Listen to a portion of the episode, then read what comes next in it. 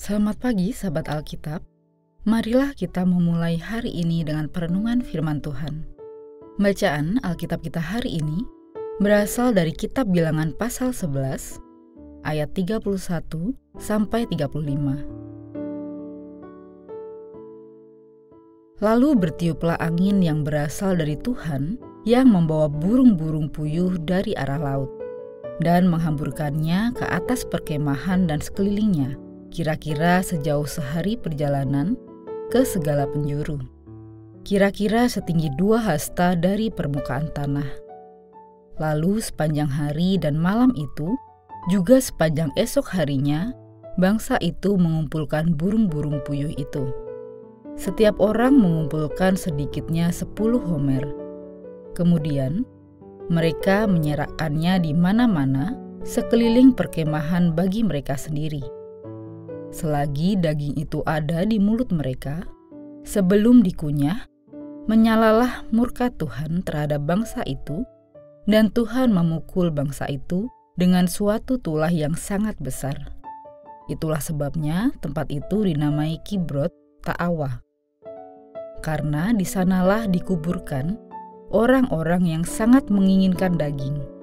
Dari Kibrot Ta'awa, berangkatlah bangsa itu ke Hazerot, dan tinggal di situ.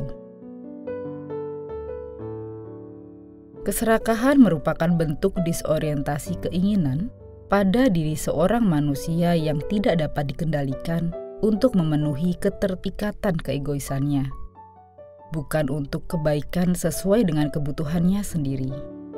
Jadi, setiap bentuk keserakahan tidak pernah berfungsi memenuhi kebutuhan seseorang melainkan hanya untuk pemuasan keinginan dan daya tarik yang ada pada dirinya sendiri.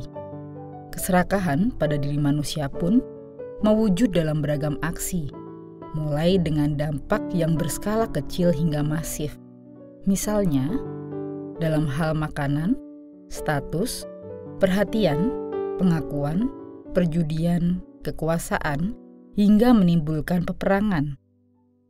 Setiap manusia pun tidak lepas dari kecenderungan keserakahan.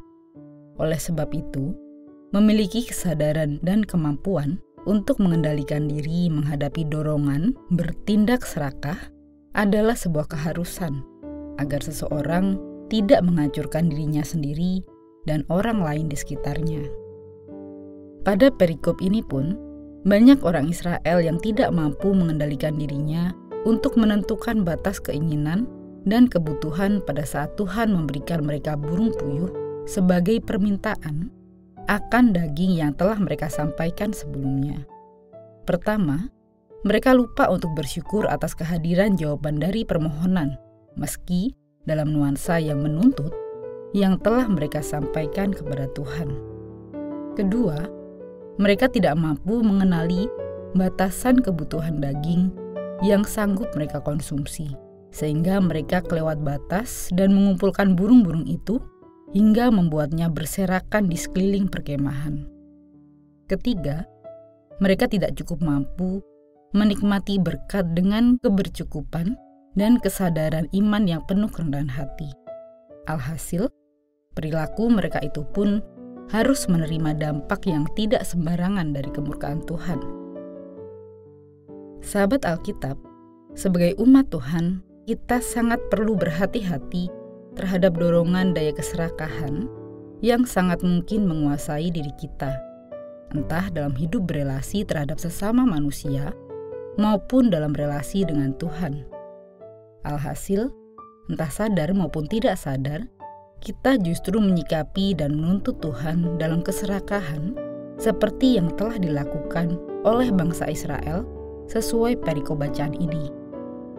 Kita perlu melatih diri melawan keserakahan dengan mulai memahami batasan antara kebutuhan dan keinginan.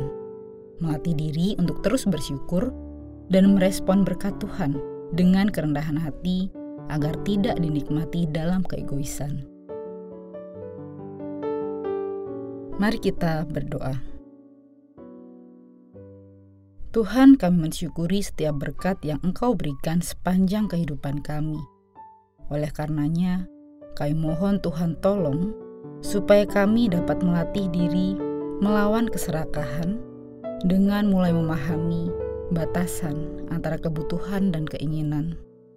Tolonglah kami, Tuhan, untuk dapat terus bersyukur dengan kerendahan hati. Inilah doa kami. Amin.